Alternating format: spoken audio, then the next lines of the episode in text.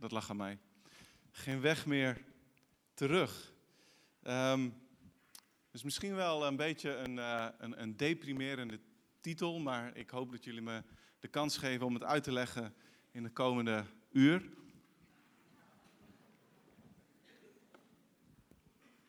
Ja, zijn jullie wakker? Geen uur.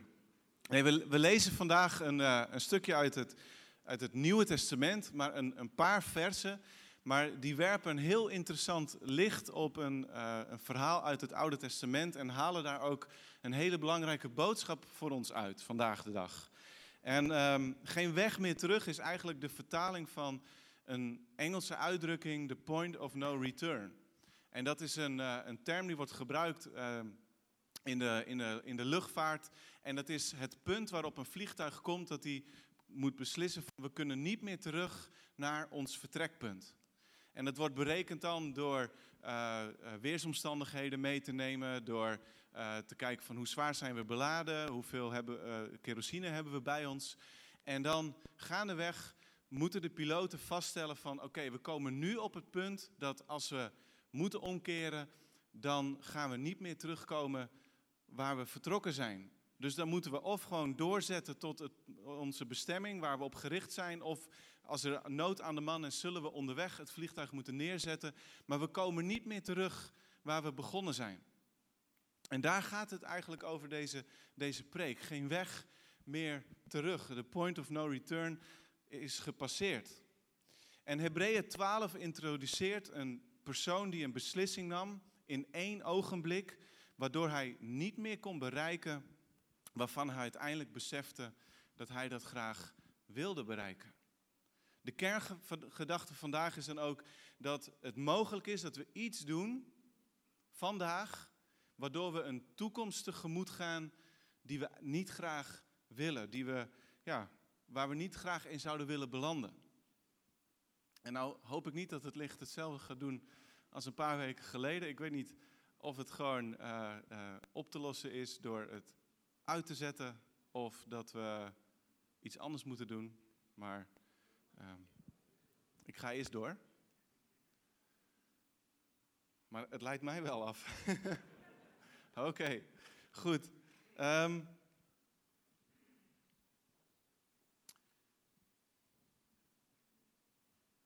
de kerngedachte vandaag anders gezegd is dat we hebben het vermogen om onze toekomst, de verloop van ons leven te beschermen. Als we kiezen vandaag in het hier en nu om zorgvuldig en voorzichtig te leven. We moeten vandaag kiezen om zorgvuldig te leven om onze toekomst te beschermen. Want de keuzes van vandaag hebben de gevolgen voor de rest van ons leven. Keuzes vandaag bepalen of we gezonde of ongezonde patronen ontwikkelen. En daarmee zijn ze vormend voor ons karakter en onze algemene manier van doen, van onze handelswijze. En ik wil dat je dat heel goed bedenkt terwijl we verder gaan met het verhaal van waaruit we vandaag gaan lezen. Onze keuzes vandaag zijn belangrijk voor onze toekomst. De persoon die vandaag centraal staat is Esau. En de naam betekent harig. Esau is, ja, dat is een, een echte man eigenlijk. Een soort bijbelse Chewbacca, als je die kent. En uh, is helemaal bedekt onder het haar. En met mijn tien borstharen kan ik daar echt bij lange na niet tegenop. Um, waar Esau waarschijnlijk met gemak 150 kilo plus zou, uh, zou tillen in de sportschool, ben ik denk ik al lang blij als, uh, als ik mijn zoon van 15 à 16 kilo in de lucht til. Dat, uh, dat haal ik nog, zeg maar.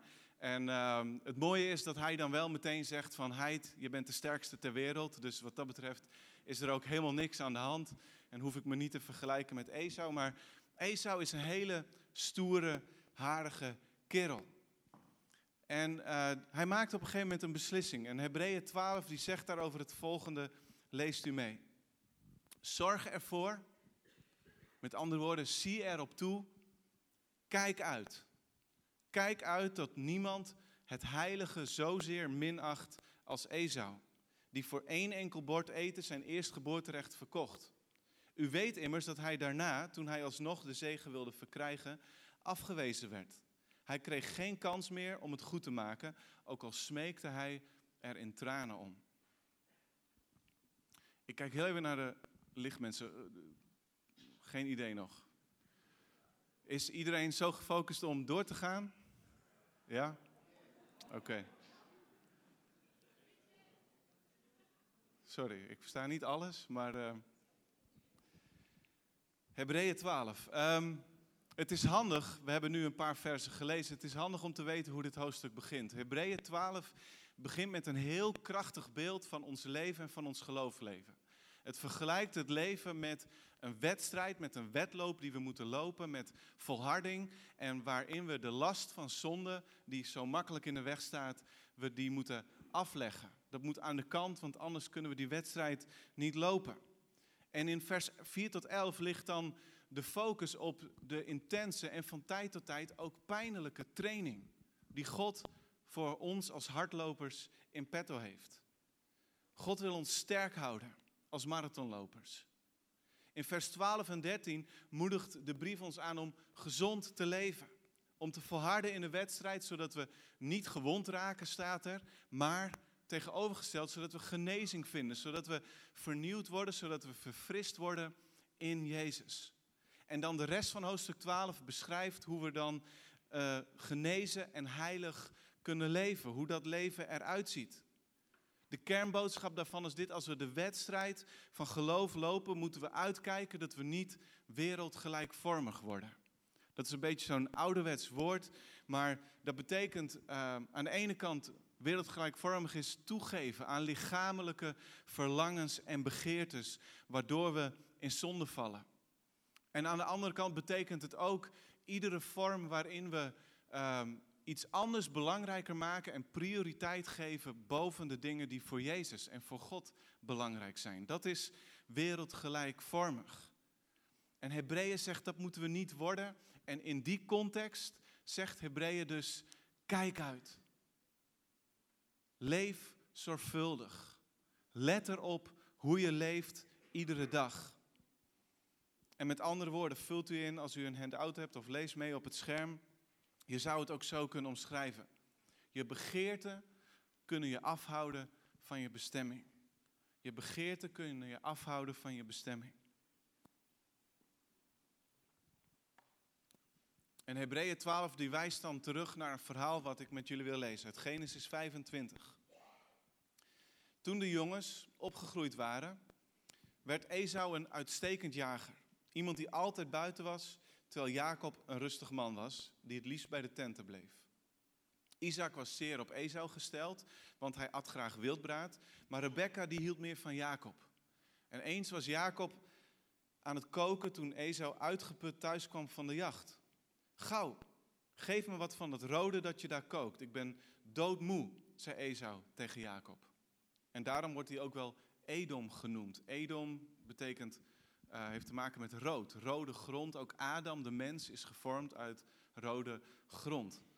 Dus de nakomelingen van Esau, die kom je de hele Bijbel tegen, die heten Edomieten. En Jacob die denkt van, hé, hey, hier zit een kans voor mij. Jij wilt, jij wilt soep. Dus Jacob die zegt, ik geef het je pas als jij mij je eerste geboorterecht verkoopt. Man, Zegt Esau, ik sterf van de honger. Wat moet ik met dat eerste geboorterecht? Zweer me het nu meteen, zei Jacob. Dat deed Esau. En zo verkocht hij zijn eerste geboorterecht aan Jacob. Daarop gaf Jacob hem brood en linzensoep. Esau at, dronk en ging meteen weer weg. Hij hechtte geen enkele waarde aan dat eerste geboorterecht. En hier zien we, ehm, en ik noem het vandaag maar even zo, het, het Esau-syndroom. Esau is eigenlijk de wereldgelijkvormigheid in hoogste eigen persoon. Hij vond het tijdelijke, het vluchtige, de snelle bevrediging van zijn behoeften vond hij veel belangrijker dan de veel waardevoller beloften die toekomstig waren. De beloning die misschien niet, niet direct ervaart, maar die er wel degelijk is. Hij is moe, hij is uitgeput, hij is hongerig en hij ruikt dan die heerlijke zoep en dan zegt hij met de woorden van de Naardense Bijbel, die het Hebreeuws heel erg goed weergeeft. Hij zegt, laat me onmiddellijk iets verslinden van het rode. Eten, nu, meteen. Ik wil meteen die behoefte, die begeerte, wil ik hopsakee, weer weg hebben. En in zijn geval was dat een verlangen, een begeerte naar eten, maar begeerte is begeerte. Honger is honger. Lust is lust. Verlangen is verlangen. En dat kan naar allerlei dingen uitgaan. Het dreef Esau ertoe om zijn eerstgeboorterecht. Dat betekent als oudste zoon kreeg hij een dubbel deel van de erfenis. Het dreef hem ertoe om dat om te ruilen. En nu zou je zeggen, als Esau iets opgeeft wat zo waardevol is, hij, kreeg, hij zou twee keer zoveel krijgen dan de andere kinderen. Dan in dit geval Jacob, die nog zijn enige broer was. En wij weten, we spreken nu over de God van Abraham, Isaac en Jacob. Maar dat lag in het verschiet voor Esau, de God van Abraham, Isaac en Esau. En die eeuwige belofte, die geeft hij op, hopsakee, in één moment. In één moment. En hij ruilt het voor iets wat zo ontzettend beperkt en tijdelijk is. Een bord soep. En het mag dan de allerlekkerste soep ter wereld ooit zijn geweest. Zelfs dan duurt het genot ervan maar een paar uur en daarna zou hij opnieuw honger krijgen en weer eten nodig hebben. Esau heeft te maken met wat Jacobus ook beschrijft in Jacobus 1, vers 14 en 15. Iedereen komt wel eens in verleiding door zijn eigen begeerte, zegt Jacobus, die hem lokt en meesleept.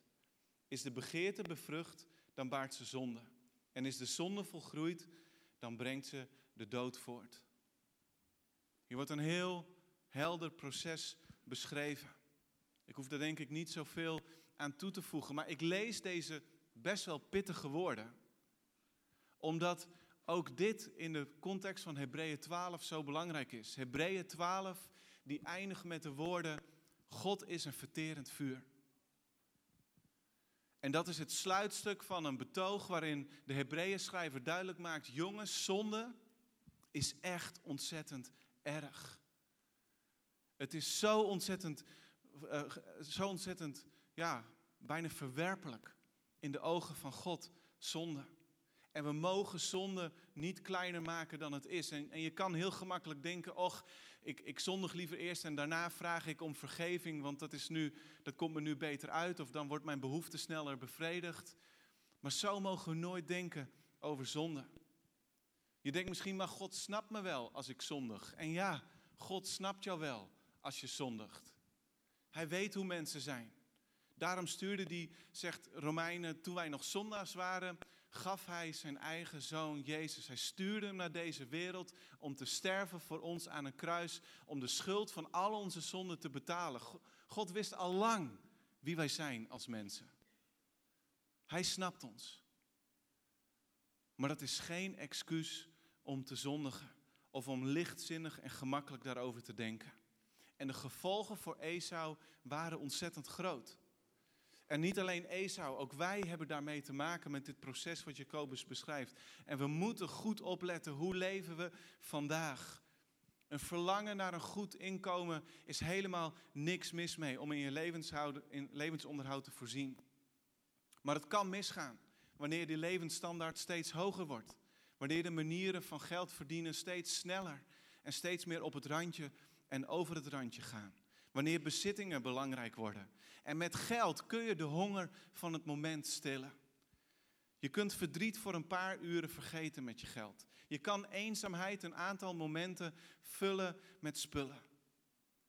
En aanzien en daarmee ook bevestiging misschien van jouw identiteit en van jouw waarde kan je voor korte tijd verkrijgen voor geld. Maar het duurt niet zo lang. Er is een verlangen in ons allemaal naar seks. En de Bijbel die spreekt ontzettend positief over het verlangen naar seks, naar intimiteit, naar een relatie tussen man en vrouw. Het spreekt enthousiast over seksuele aantrekkingskracht. God heeft je zo gemaakt met een verlangen hiernaar. Maar de begeerte van het moment kan je ertoe leiden dat je dingen doet die je wegleiden van Gods bestemming voor jou met seks. En ik geloof met heel mijn hart dat Gods wil voor jou op seksueel gebied aan het eind van de dag veel beter, veel vreugdevoller en veel vervullender is dan wat jij in één moment kan krijgen op het schoolplein of in je studentenhuis of in de discotheek of waar dan ook. Gods verlangen voor jou is veel heerlijker. Als je toegeeft aan begeerte, raak je af van de weg van Gods bestemming voor jouw leven. En ten tweede, vullen jullie Met een lege maag komen je waarden in gevaar. Met een lege maag komen je waarden in gevaar.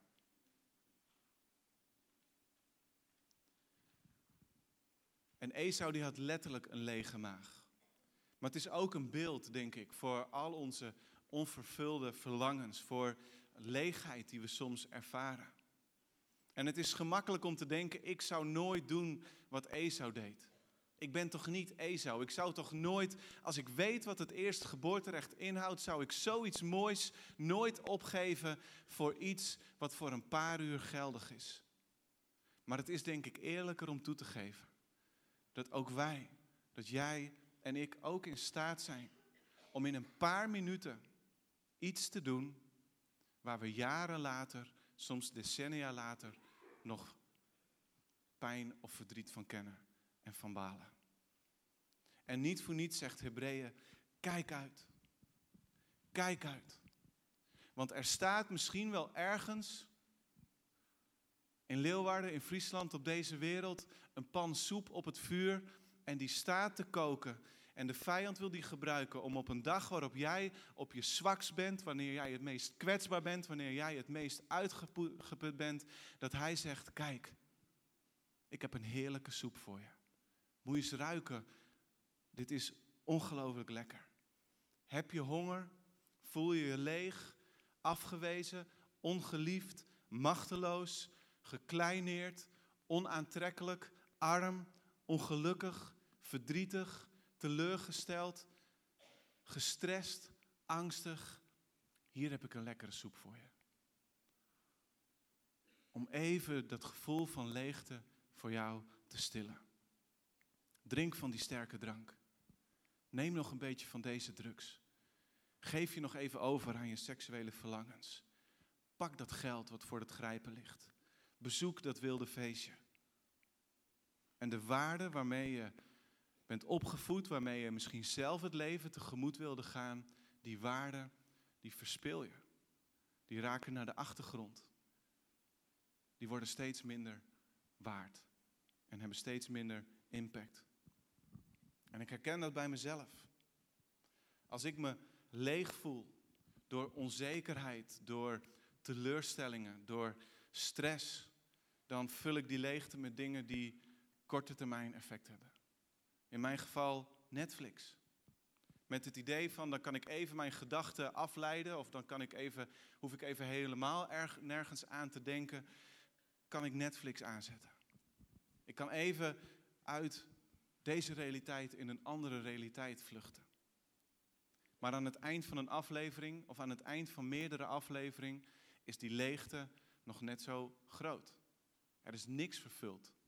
En natuurlijk, soms zijn er momenten dat Netflix heerlijk is om de spanning van de boog te halen en even te ontspannen. Daar is helemaal niks mis mee. Maar het is niet een vervulling van leegte. Het is vaak een betere antwoord op die leegte om te gaan praten met iemand die je vertrouwt. Om een goed gesprek te hebben, om te delen wat je op je hart hebt, waarmee je zit. Het is een nog betere respons om te gaan naar God om leegte te vullen met een tijd van stil zijn. Een tijd van aanbidding, een tijd van gebed, een tijd van overgave, een tijd van de Bijbel lezen. Want de volheid van God is voldoende om iedere leegte te vervullen. Altijd. Veel meer dan wat dan ook. In Psalm 119 daar staat het volgende. Hoe kan wie jong is? Dus jongeren, opgelet, ouderen ook. Hoe kan wie jong is zuiver leven? Door zich te houden aan uw woord. Met heel mijn hart heb ik u gezocht. Laat mij niet afdwalen van uw geboden. Uw belofte heb ik in mijn hart geborgen. Zo zal ik tegen u niet zondigen. Dus je gaat minder leeg het leven in wanneer je hart gevuld is met het woord van God. Door de Bijbel te lezen, te overdenken, te herkauwen en toe te passen. Leer Bijbelteksten uit je hoofd, want er komen tijden dat jij leeg bent. Kwetsbaar, vatbaar. En we zien dat gebeuren bij Jezus. Jezus is op een gegeven moment helemaal leeg.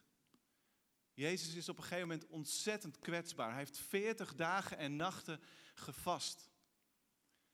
En dan in die woestijn komt de Satan bij hem op bezoek met een pannetje soep. Heerlijke soep. En het verhaal spreekt voor zich. Ik wil het met jullie lezen. De beproever, de Satan, die kwam naar Jezus toe en die zei: Als u de zoon van God bent, beveel dan die stenen in broden te veranderen. Maar Jezus gaf hem ten antwoord: Er staat geschreven: De mens leeft niet van brood alleen, maar van ieder woord dat klinkt uit de mond van God.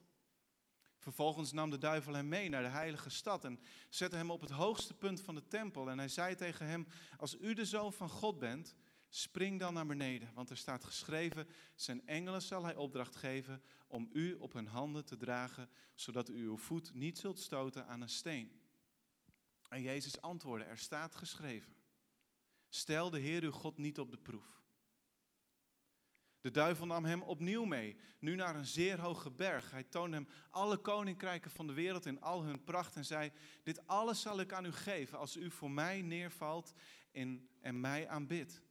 En daarop zei Jezus tegen hem, ga weg Satan, want er staat geschreven, aanbid de Heer uw God, vereer hem alleen. Daarna liet de duivel hem met rust en meteen kwamen er engelen om voor hem te zorgen. Dus vul je lege maag met de woorden van God. Om net als Jezus op het moment dat je zwak bent te kunnen zeggen, in de Bijbel staat, in de Bijbel staat, in de Bijbel staat. En wat in de Bijbel staat is veiliger en gezonder en heilzamer en duurzamer dan wat dan ook. Dus vul jezelf met woorden, maar hou jezelf ook bezig. Hou jezelf bezig met de dingen van God. Jezus die, die zegt in Johannes 4, als de discipelen zich afvragen van, hé Jezus, wat hebt u dan gegeten? Heeft u geen, geen trek? En dan zegt Jezus dit, mijn voedsel is de wil doen van Hem die mij gezonden heeft en zijn werk voltooien. Dat is een mooi idee. Dat je je hart kan vullen en dat je je handen in actie kan houden met de dingen van God, waardoor je leven niet leeg is. En verruil deze dingen niet voor dat wat je verlangen of je begeerte maar voor korte tijd kan vervullen. Want bedenk dit, ten derde vult, u in. De toekomst duurt langer dan het moment. De toekomst duurt langer dan het moment. En, en de Bijbel in gewone taal, die, die brengt uh, ja, dat tijdstip waarop Esau zomaar het eeuwige inwisselt voor het tijdelijke, brengt het heel mooi dichtbij. Er staat in Genesis 25 in, in de woorden van de Bijbel in gewone taal. Hij zei tegen Jacob, ik ben doodmoe, geef me gauw, geef me direct van die rode soep die je daar hebt. Maar Jacob zei, dan moet je me eerst beloven dat ik, het later, dat ik later het belangrijkste deel van de erfenis krijg. En Esau antwoordde, die erfenis, die interesseert me niks. Want ik ga bijna dood van de honger. Dus met een enorm gevoel van overdrijving maakt Esau duidelijk dat hij honger heeft. En ik geloof niet dat hij bijna dood ging van de honger. Ik kan me niet voorstellen dat hij op een lege maag op jacht is gegaan. En die jacht, ik weet niet hoe lang dat duurde, maar die zal nooit zo lang hebben geduurd dat hij bijna dood van de honger weer terugkwam bij de tenten. En toch voelt de honger van het moment soms wel zo. Voor Esau, maar ook voor ons. We hebben soms het idee, mijn honger, mijn verlangen, mijn begeerte op dit moment is zo ontzettend groot. Er moet nu iets gebeuren. In het moment dat we ons angstig en gestrest en afgewezen en gepijnigd en teleurgesteld en, en wat dan ook maar voelen, dan willen we niets liever dan dat dat zo snel mogelijk voorbij gaat. En de snelle oplossingen met een korte termijn effect zijn dan heel erg aantrekkelijk. Maar de korte termijn oplossingen zijn vaak zondig en beantwoorden niet aan Gods wil en doel voor ons leven. En Johannes die beschrijft die snelle oplossingen heel kernachtig samengevat in de volgende versen. Leest u mee. Want alles wat in de wereld is, zelfzuchtige begeerte, afgunstige inhaligheid en pronkzucht, dat alles komt niet uit de Vader voort, maar uit de wereld. De wereld met haar begeerte gaat voorbij, maar wie Gods wil doet, blijft tot een eeuwigheid. En ik zeg het dus daarom nog maar een keer. Kijk uit, let op. De wereldse begeerte en de manieren waarop we die willen vervullen, het is allemaal tijdelijk. Je wordt er niet echt gelukkiger en blijer en vrediger van. Het leidt niet tot voldoening en ware tevredenheid. Het heeft wel consequenties. Het heeft wel consequenties. Dronken worden, oneerlijk geld verdienen of besparen. Je seksdrive achter het stuur van je leven zetten. Enzovoort, enzovoort. Het heeft allemaal gevolgen. En dan kunnen we denken, ja maar God is toch een God van vergeving. God wil me toch graag vergeven. En dat geloof ik met heel mijn hart. God wil ontzettend graag vergeven. De prijs voor jouw zonde is al betaald. Dus als we eerlijk en oprecht onze zonde beleiden, dan is God getrouw en rechtvaardig om ons onze zonde direct te vergeven. En hij doet dan die zonde weg.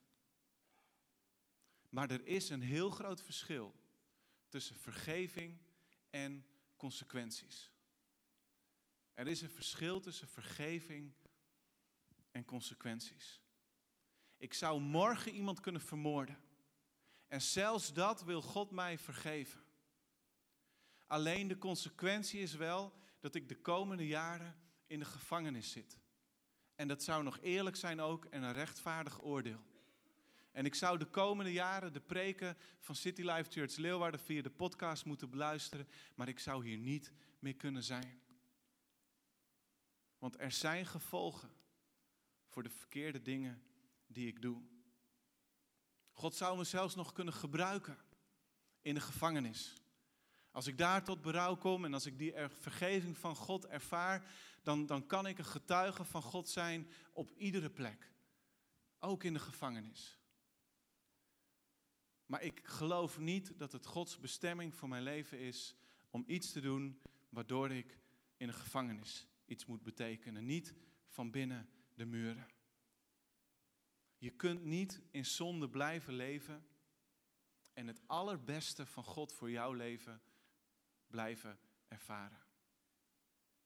Dat zijn de gevolgen van zonde. En Esau liet zich verleiden door in het moment de begeerte die hij had te bevredigen, zonder te denken aan zijn toekomst. En ik hoop en ik bid en ik moedig jullie allemaal aan om daarom heel zorgvuldig te leven. En niet te denken dat komt morgen wel, of dat komt volgende week wel, of dat komt als ik iets ouder ben. Nee. Herinner je de woorden van Psalm 90. In Psalm 90 staat: Leer ons zo onze dagen te tellen dat wijsheid ons hart vervult. Leer ons onze dagen tellen. En weet je, niemand van ons weet hoe oud hij of zij wordt. Maar bekijk eens naar jezelf vanuit het perspectief van een 60, 70, 80-jarige. Probeer dat eens voor te stellen. Dat je zo oud bent en terugkijkt naar je leven en naar die momenten dat je even laag aan de grond zat.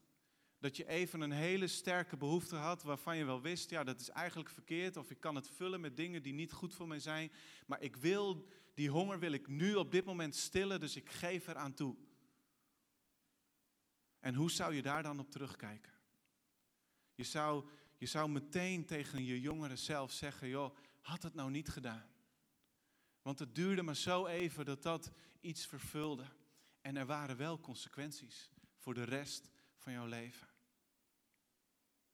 Let, leef daarom wijs in het hier en nu. Want jouw nu heeft consequenties voor jouw toekomst. En tot slot, hiermee wil ik afronden. Vult u in en leest u mee. Je hele leven kan veranderen in één moment. Je hele leven kan veranderen in één moment.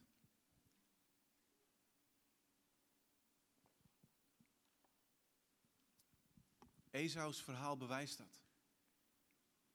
Het is waar in de negatieve zin. Zoals het voorbeeld van Esau laat zien. Hebreeën 12 die kijkt terug op zijn leven. En die zegt tegen jou, tegen mij, toen hij alsnog de zegen wilde verkrijgen, werd hij afgewezen. Hij kreeg geen kans meer om dit goed te maken, ook al smeekte hij er in tranen om. De consequentie bleef. Dus het is waar in negatieve zin, maar het is ook waar in positieve zin. Je leven kan in één ogenblik veranderen in positieve zin. En niemand van ons kan de soep die hij heeft gegeten tijdens zijn leven ongedaan maken. Je kan het niet onteten of zo. Dat, je kan het niet uitwissen. Ik ook niet. Maar ik wil je wel waarschuwen. Met die woorden van Hebreeën 12 en Psalm 119. En ik wil iedereen waarschuwen, maar in het bijzonder de jongeren die hier zijn. Om zo jong mogelijk, zo jong mogelijk vooruit te kijken en te bedenken: ik wil leven zoals God het graag wil. Ik wil leven zoals God het graag wil. Ik wil de goede consequenties vandaag bewerken voor de rest van mijn leven. En God, die weet waar Hij het over heeft. Als Hij van ons vraagt, ik wil dat je zo leeft. God, die weet waar Hij het over heeft. Hij wil je, hij wil je absoluut niet vreugde en plezier en genot onthouden. Hij wil je behoeden voor spijt, voor pijn, voor teleurstelling, voor verdriet, voor, voor een gebroken hart. En dat is daar waarom God zegt, ik wil, ik wil dat je leeft deze en deze en die en die manier. Want het is goed voor je. Het geeft echte voldoening, het geeft echte vreugde. Het maakt je gelukkig, het houdt je gezond. Het verfrist je iedere dag. Dus laat de snelle bevrediging van, van begeerte in het hier en nu je niet afhouden. Van de bestemming, van, van Gods plan voor iedere dag van jouw leven. Zorg voor een volle maag door je hart te vullen en door je, door je handen in actie te houden met de dingen van God. En voor iedereen die al 10 of 20 of 30 jaar de verkeerde soep heeft gegeten en die denkt, het maakt nu toch maar niet meer uit. Ik heb het toch al verknald, ik heb het toch al verkeerd gedaan. Geef me nog maar wat meer van die soep, want dan voel ik een paar uren even niet die leegte. In één moment kan God dingen ten goede keren. Kan God jouw leven ten goede veranderen. De consequenties van wat je hebt gedaan of hebt nagelaten te doen, die zijn niet meteen weg. Die zijn niet meteen weg. Maar je hoeft die consequenties niet langer alleen te dragen. God zegt, ik ga dat samen met jou doen. Ik kom naast je, ik wandel met je mee, ik steun je, ik ben er voor je. Ik sta je nabij. En God wil je dan gebruiken op die plekken waar je misschien nooit terecht had moeten komen. Mentaal, fysiek. Maar God zegt, ik ga je daar wel gebruiken. Dus in één moment kan ook jouw eeuwige bestemming veranderen. Alles wat het vraagt is een beslissing te nemen, een keuze te maken. En we lezen dan in Handelingen 16 over een heidense gevangenisbewaarder. En, en de Bijbel vertelt ons niet heel erg veel over deze man. Maar ik denk niet dat deze man een lievertje was. De omstandigheden in een gevangenis waren dusdanig dat, dat je moest best wel wat eelt op je ziel hebben om denk ik daarin te kunnen werken. Laat staan daar leiding aan te geven. Ik denk niet dat, dat die man nou heel erg geweldige man was. Maar er zijn twee hele bijzondere kerels op een nacht aanwezig in zijn gevangenis. En die kiezen ervoor om die omstandigheden, om hun halleluja te laten oprijzen. En te zeggen, het maakt niet uit wat de omstandigheden zijn. We aanbidden God. En God die, die schudt die gevangenis uit elkaar. En de boeien vallen af. En alle gevangenen komen vrij. En alle gevangenen lopen weg, behalve die twee mannen. En de gevangenisbewaarder is wanhopig, want die denkt: ik verlies mijn baan, misschien verlies ik wel mijn leven, ik kan niet meer voor mijn gezin gaan zorgen, want iedereen is weg. Ik heb mijn verantwoordelijkheid niet goed genomen. En hij staat op het punt om zichzelf op zijn zwaard te werpen. En dan zeggen die twee mannen, Paulus en Silas, tegen hem: stop. Stop. Jouw leven kan in één ogenblik veranderen. En de gevangenisbewaarder die doet dan het volgende, leest u mee. Hij bracht hen naar buiten en hij vroeg, zegt u mij, heren, wat moet ik doen om gered te worden? En ze antwoordden, geloof in de Heer Jezus. En u zult gered worden, u en uw huisgenoten. En ze verkondigden het woord van de Heer aan hem en aan iedereen die bij hem woonde. Hoewel het midden in de nacht was, nam hij hem mee hij maakte hun wonden schoon. En meteen daarna werden hij en zijn huisgenoten gedoopt. Eén nacht. Geloof je dat Jezus jouw redder is? En waarschijnlijk zijn er nog een aantal basisprincipes uitgelegd van het geloof. En wat heeft Jezus gedaan? En waarom moest hij lijden en sterven aan het kruis? En hij is opgestaan en die opstandingskracht werkt ook in jou. En daarmee word jij ook opgewekt in een nieuw leven, in een eeuwige leven, maar ook in een nieuwe kwaliteit van leven, in het hier en nu. En als ze dat hebben uitgelegd, dan is er geen uitstel. Dan zeggen ze, we dopen je meteen. Als een beeld dat alle zonde is weggewassen. Dat je aan God vraagt, God wilt u mijn geweten vormen? Wilt u mij gaan vertellen wat goed en kwaad is? En dan mag je opstaan in een nieuw leven.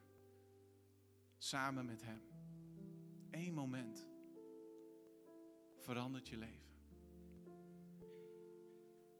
Zullen we met z'n allen bidden? Vader in de hemel, ik dank u wel voor dit ene moment. God waarop we samen zijn, waarop we u mogen aanbidden, waarop uw woord open gaat, Heer. En, en ik geef toe, uw woord is niet altijd gemakkelijk. En uw woord is soms best wel stevig en, en spreekt ons aan. En wil ons corrigeren. Maar ik dank u, God, dat het altijd met de bedoeling is om ons te, te laten leven als nooit tevoren. Ik dank u dat uw woord ons opvoedt. Ik dank u dat uw woord ons bemoedigt om een vol leven te ontdekken samen met u.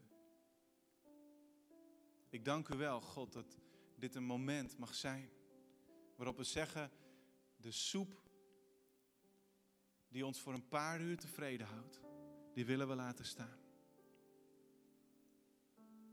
De soep die ons wordt voorgezet als we zwak zijn, als we leeg zijn, daar zeggen we nee tegen. Omdat het woord van God zegt. En vul het maar in voor dat moment. God, ik dank u wel dat dit een moment van omkeer mag zijn. Waarin we zeggen onze leegte en onze verlangens en onze begeertes die zijn er. Maar die gaan we vullen met u. En ik dank u wel dat dit een moment van redding mag zijn. Een moment van behoud. Een moment van een keuze voor u.